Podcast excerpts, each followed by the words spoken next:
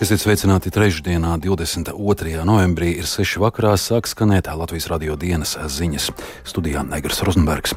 Daži temati, kas izskanēs turpmākajās minūtēs - ceļa Pīteru izslēdz no jaunās vienotības frakcijas, Izraela un Hamas vienojas par pamieru un daļas ķilnieku atbrīvošanu, Nīderlandē notiek parlamenta vēlēšanas.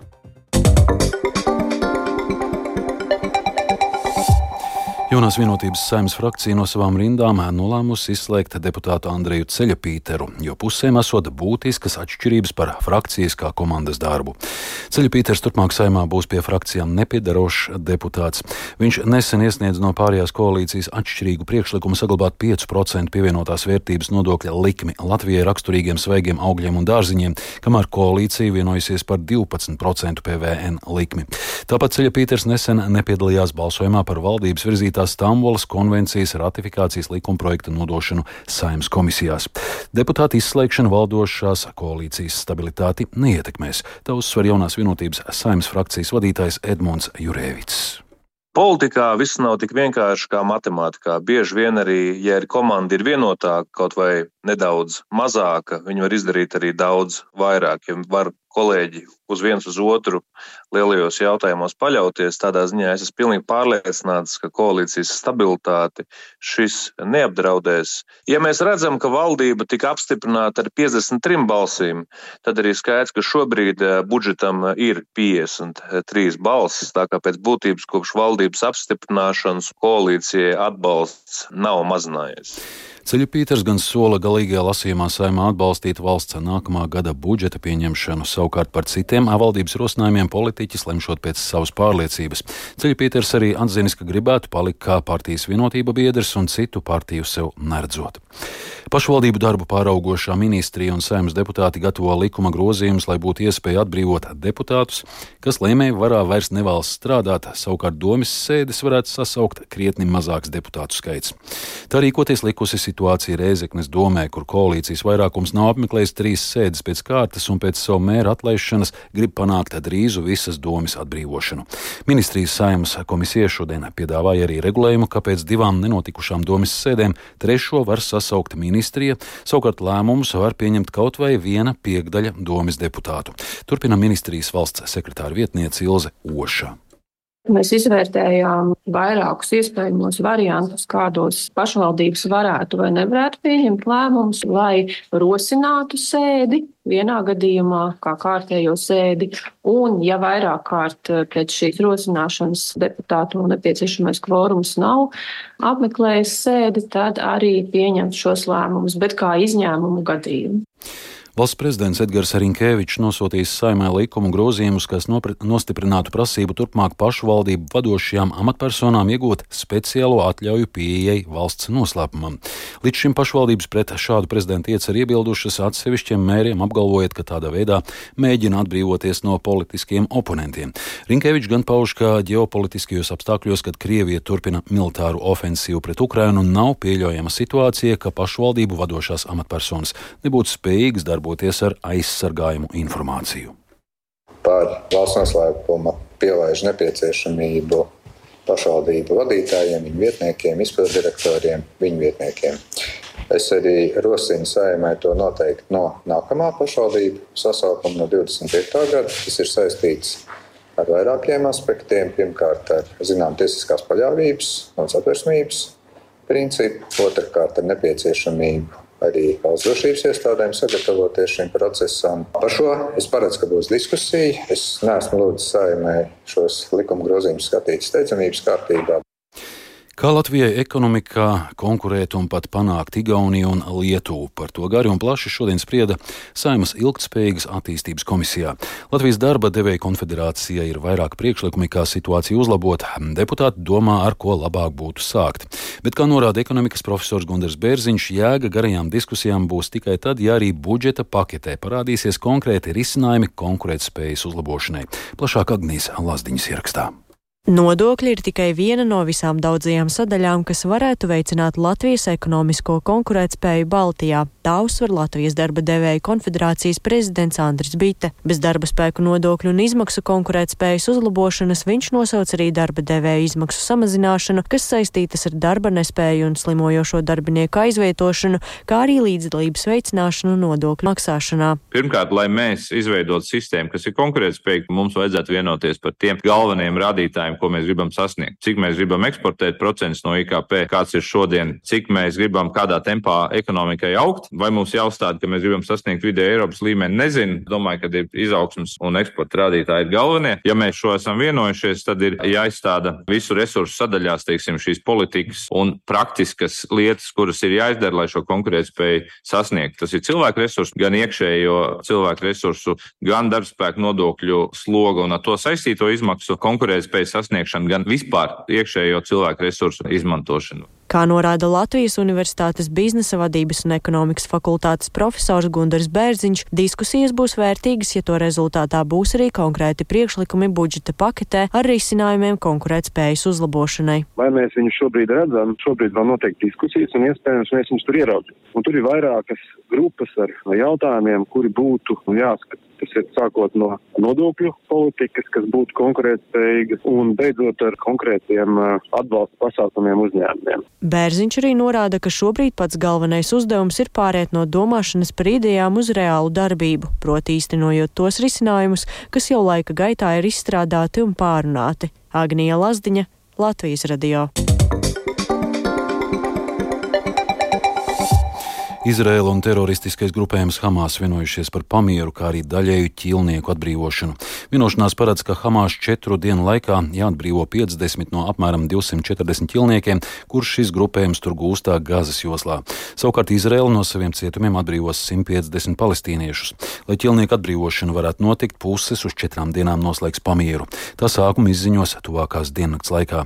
Pamieris varētu arī turpināties, un tādā gadījumā Hamas atbrīvotu pa vēl desmit ķīlniekiem katru pamieru miera dienu. Izraels valdība uzsvērusi, ka šī vienošanās ir tikai pirmā stadija, un valdība joprojām esot apņēmības pilna mājās atgriezt visus ķilniekus. Ministru kabineta sanāksmē Izraels premjers Benjamins Netanjahu centās pārliecināt ministrus, ka kardarbības pārtraukumam būs tikai taktisks raksturs. אז אני מבקש להבהיר, אנחנו במלחמה. Es vēlētos precizēt, mēs esam karā un mēs paliksim karā. Mēs turpināsim karot, līdz sasniegsim visus mūsu mērķus. Karā ir posmi, un arī ķīlnieku atgriešanā ir posmi, bet mēs neapstāsimies, līdz sasniegsim pilnīgu uzvaru un līdz neatgriezīsim viņus visus atpakaļ. Lēmums par šo vienošanos ir grūts, bet pareizs lēmums. Visas drošības amatpersonas to pilnībā atbalsta. Profesionālā novērtējumā tās apstiprināja, ka mūsu spēku drošība pamiera laikā tiks garantēta un izlūkošana šodienu laikā tiks saglabāta. Vienošanās paredz, ka abās pusēs atbrīvos civilistus, sievietes un bērnus. Apmaiņas norisi uz vietas atbalstīs sarkanā pusmēneša darbinieki, kā arī Izraēlas, Hamas un Katars amatpersonas. Vienošanās arī paredz liela skaita humāno konvoju un palīdzības kravu, tostarp degvielas ieviešanu Gazas joslā. Eiropas Savienības dalībvalsts Nīderlandes pilsoņi šodien dodas pie vēlēšanu urnām, lai izraudzītos 150 deputātus parlamenta apakšpalātā. Vēlēšanas izšķirs, kurš kļūs par Nīderlandes nākamo premjeru, jo līdzinējais valdības vadītājs Marks Rute paziņojies par aiziešanu no politikas. Taču Rutēm var nākties palikt amatā vēl vairākus mēnešus, jo prognozēts ilgstošs jaunās valdības veidošanas process. Vairāk stāsta Uldis Česperis. Nīderlandes parlamenta apakšnama pārstāvju palātas vēlēšanām vajadzēja notikt 2025. gadā, taču nācās izsludināt pirmstermiņa vēlēšanas pēc tam, kad jūlijā par demisiju paziņoja 13 gadus valdījušais premjers Marks Rutte no konservatīvās tautas partijas brīvībai un demokrātijai. Rutes atkāpšanās iemesls bija valdošās koalīcijas partiju domstarpības par viņa piedāvāto plānu patvēruma meklētāju skaita ierobežošanai. Arī priekšvēlēšanu kampaņā imigrācija bija viens no centrālajiem jautājumiem. Ar to cieši saistīts ir akūtais mājokļu trūkums Nīderlandē, kur pēc pētnieku aplēsēm trūkst gandrīz 400 tūkstoši mitekļu. Tāpat daudz tika diskutēts par veselības aprūpes sistēmas problēmām, arvien pieaugušo ienākumu nevienlīdzību, kā arī par cīņu pret klimata pārmaiņām. Pēdējās aptaujas liecināja, ka vēlēšanās par uzvaru varētu cīnīties četri politiskie spēki. Galvenā favorīte ir Tautas partija brīvībai un demokrātijai. Tās premjera amata kandidāte ir Turcijā dzimusī tieslietu ministre Dilana Ješilgeza Zegerijusa, kurai ir iespēja kļūt par Nīderlandes vēsturē pirmo sievieti valdības vadītāju. Ješilgeza Zegerijusa iestājas par stingrāku imigrācijas politiku, neraugoties uz to, ka pati savulaik ieradās Nīderlandē kā patvēruma meklētāja. Daudzus ir pārsteigusi Ješilgezas Zegerijusas gatavība pēc vēlēšanām strādāt vienā koalīcijā ar galēji labējo brīvības partiju, ko vada eiroskeptiskais un pret musulmaņiem noskaņotais Gērts Vilders. Arī brīvības partijai ir labas iespējas vēlēšanās finišēt pirmajai. Priekšvēlēšanu kampaņas laikā lielu popularitāti iemantoja centriski noskaņotais politiķis Pīters Omdzikts, kurš tikai pirms trim mēnešiem izveidoja savu partiju Jaunais sabiedriskais līgums. Omdzikts iestāja iestājas par caurskatāmāku politiku un valsts pārvaldi, taču viņš pats nevēlas uzņemties premjera amatu. Kreisā spārna galvenā cerība šajās vēlēšanās ir par Eiropas Savienības zaļā kursa arhitektu dēvētais Frans Timermans, kurš vada zaļo un darba partijas aliansi. Nīderlandes vēlēšanu sistēmas īpatnību dēļ nevienai no partijām nav iespēju iegūt absolūto vairākumu parlamentā apakšpalātā, tāpēc uzreiz pēc vēlēšanām sāksies valdības veidošanas maratons, kas var turpināties mēnešiem. Rutes pēdējās valdības izveidēji bija nepieciešama 271 diena. Uldis Česberis, Latvijas radio.